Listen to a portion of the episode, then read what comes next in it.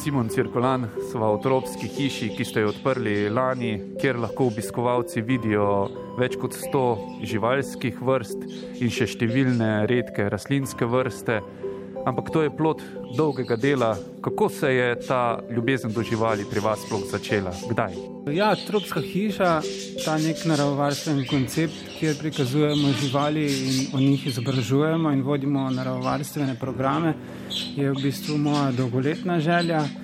Če pa prav pomislim, sem pa mogoče te stvari, ki jih danes delam, že želel delati kot otrok. V bistvu to moja otroška želja, ki sem jo nadgradil z znanjem, izobraževanjem in z vsemi izkušnjami. In ja, živim otroške sanje, ki pa so bolj naporne, eh, kot pa so se zdele takrat. Tudi na vaši spletni strani ste upisali kar nekaj teh zanimivih dogodkov z otroštva, lahko jih delite z nami, da je recimo tisti prvi stik z živalmi, ki sem vam je vtisnil v spomin. Vedno sem bil nek radoveden otrok in narava in živali so me vedno privlačile, verjetno tudi zaradi vzgoje in mojih staršev in starih staršev. Vedno sem si želel imeti živali, dobil sem pa tisto prvo in sicer avstralske ščinkovce, ki so bili, oziroma zebrice, ki so bile čisto moje, nekje v četrtem razredu osnovne šole.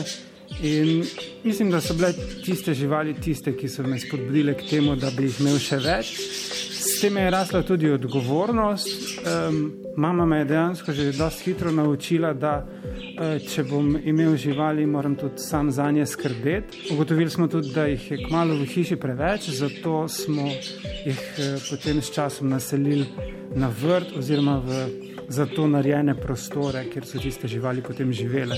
Ko ste pred enim letom odprli tropsko hišo, ste številne živali, tudi eksotične, v njo prinesli od doma.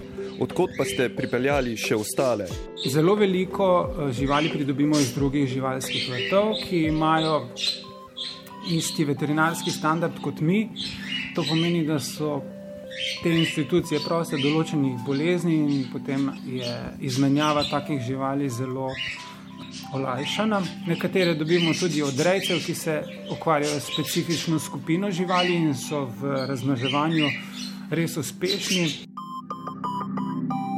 Katere vse živali potem obiskovalci lahko vidijo, bi katero izpostavili? Izpostavili bi opice tamarinke, med njimi zlatoglave leviče in beloglavčke. To sta vrsti v naravi izjemno redki. Beloglavček je recimo kritično ogrožena vrsta, Eh, zlatoglavi levič ogrožena vrsta. Vseh primerkov je par tisoč v naravi. To pomeni, v primeru ekološke katastrofe jih lahko jutri že ni več. Izjemno ponosni pa smo tudi na to, da smo ravno pri obeh vrstah dobili podmladek in bomo v bistvu s temi mladiči lahko pripomogli k obstoju vrste na globalnem nivoju. Primati so za nas izjemno pomembni. Ti so skupina živali, katerih populacije so v upadanju zelo hitro. Imamo pa seveda tudi vse druge živalske skupine, ker v naravi vse živalske skupine obstajajo in so za funkcioniranje ekosistema izredno pomembne. Zagotovo pravi magnet za obiskovalce je sijamski krokodil, pa tudi zelo stropene male pisane žabice iz Latinske Amerike, s pomočjo katerih so staroseljci lovili živali, kaj ne? Ja, v bistvu so te puščice utrli v kožo dvoživke, pri tem je niso poškodovali.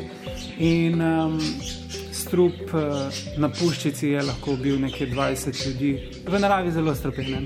Ja, pri nas pa ne, zato ker ne je strupene hrane. V bistvu je strup povezan z, z načinom oziroma z jedilnikom njihovim. Zakaj so te dvoživke tako pomembne? Podrevnice in tudi vse ostale dvoživke, vse so izredno pomembne v ekosistemih zato ker pojejo zelo veliko žužel, kar je ljudem, za ljudi načeloma dobro. Kako pa je pri vas poskrbljeno za živali? Ste v notranjih prostorih, rabite posebne pogoje?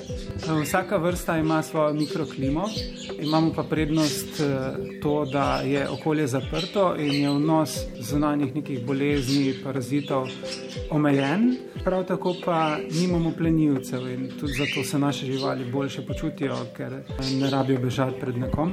Kako pa je rokovanje z njimi? So potrebna kakšna posebna znanja? Najbolj pomemben je občutek dela z živali na splošno, potem eh, pa sigurno nekaj izkušenj. Najbolj delikatne pri eh, rokovanju, oziroma ne bomo zdaj govorili o rokovanju, ker se niti to ne sme početi, so strupene kače in um, pri njih so sigurno potrebne izkušnje. Poskušamo pa zagotoviti okolje, kjer ne pride do direktnega stika. To pomeni, recimo pri klopotači imamo terari z zadnjim boksom, kjer se kača recimo omakne. In takrat, ko se omakne, zapremo loputo in potem terari počistimo. Poudarjate, da niste običajen živalski vrt. Zakaj ste tako posebni? V Sloveniji, pa tudi v Evropi, obstajajo minimalni standardi, kjer se živali lahko zadržujejo, te divje. No, mi nismo sledili minimalnim standardom po večini, ampak smo šli še dlje. Vsake živali smo želeli zagotoviti najboljše možne pogoje, ampak sodobni živalski vrtovi ponavadi počnejo tako. Um, imamo pa veliko obcestnih živalskih vrtov. Nekateri spominjajo na cirkus, sodobni živalski vrt pa to ne sme biti. Glavni stebr sodobnega živalskega vrta je urejen način prehranjevanja, znanstvene raziskave na tem področju, potem enrichment, to pomeni zapolnitev živalskega vsakdana in pa seveda močna, močen steber izobraževanja in izobraževalnih programov. Vi vse čas osveščate, da bi bilo treba z okoljem, kjer živijo divje živali, ravnati bolj skrbno. Opozarjate na izsikavanje tropskega gozda, a ta je daleč od Evrope in Slovenije. Kaj sploh lahko mi naredimo kot posamezniki, da do tega ne bi prihajalo? Z načinom življenja lahko vsak posameznik vpliva na populacije in pač divje živali v naravi. Naprimer, tropski les, kjer živijo tudi podrevnice, je mogoče v Evropi popularen. No, in zakaj bi si izbrali tropski les, če lahko zberemo vem, les, ki ga kupimo pri lokalnem kmetu? Na ta način v bistvu podpiramo naravovarstvo v Južni Ameriki, podpiramo lokalno pridelavo. Kar nekaj rojstev je bilo že v vaši hiši, za kakšno rojstvo je šlo in kako ste se vi ob tem počutili? Ob vsem tem naporu in obilici vloženega dela in odrekanjih so rojstva potem res tista, ki, kjer misliš, potem, da je res vse poplačeno, oziroma je eno. To ti veliko pove o živalskem počutju, veliko ti pove, da delamo dobro. Um, še, seveda smo najbolj ponosni na te res redke živali, ki smo jih v Sloveniji mogoče prvič pripeljali in so nas že takoj na začetku presenetile s parjenjem, pa potem z nosečnostjo, ki je potekala dobro in potem rojstvom. Dobili smo progaste monguste, naprimer, tako da je naša skupina večja. No, zato še bolj potrebujemo biopark. Pravite biopark, za kakšen projekt gre? Za ta projekt bi potrebovali sicer večje površine ne, zemlje, je pa še vedno to projekt, ki bo nekoč nastal. Ne vemo sicer kdaj, takoj ko bomo dobili zemljo, ker se bodo sprehajale tudi žirafe in kamele. Številni si želijo tudi sami doma imeti eksotične živali. Kako gledate na to? Ko govorimo o psih, mačkah, kuncih in morskih prašičkih, hrčkih, so vse živali, ki so lahko v hiši, če za nje primerno poskrbimo. Zelo primerne živali za otroke pod nadzorom staršev. Ko pa govorimo o eksotiki, je pa zgodba mogoče malce drugačna. Včasih si ljudje želimo živali zato, da imamo neko bližino, toplino in vse te živali, ki sem jih prej naštel, to definitivno prinesejo.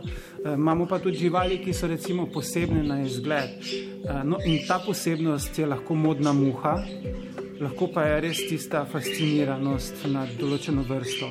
Lahko je oboje. Ampak prva stvar, prevladuje. To pomeni, da ljudje kupujejo živali z očmi, ne z razumom.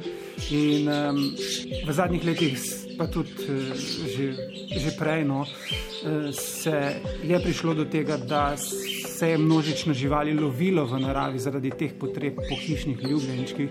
In tudi zato so določene vrste prišle, mogoče celo na prak izumrtja. Če vem prav, že več let niste dopustovali kot pravite, ste izčrpani, zato vas za konec sprašujem, vam bo le uspelo v kratkem iti na dopust?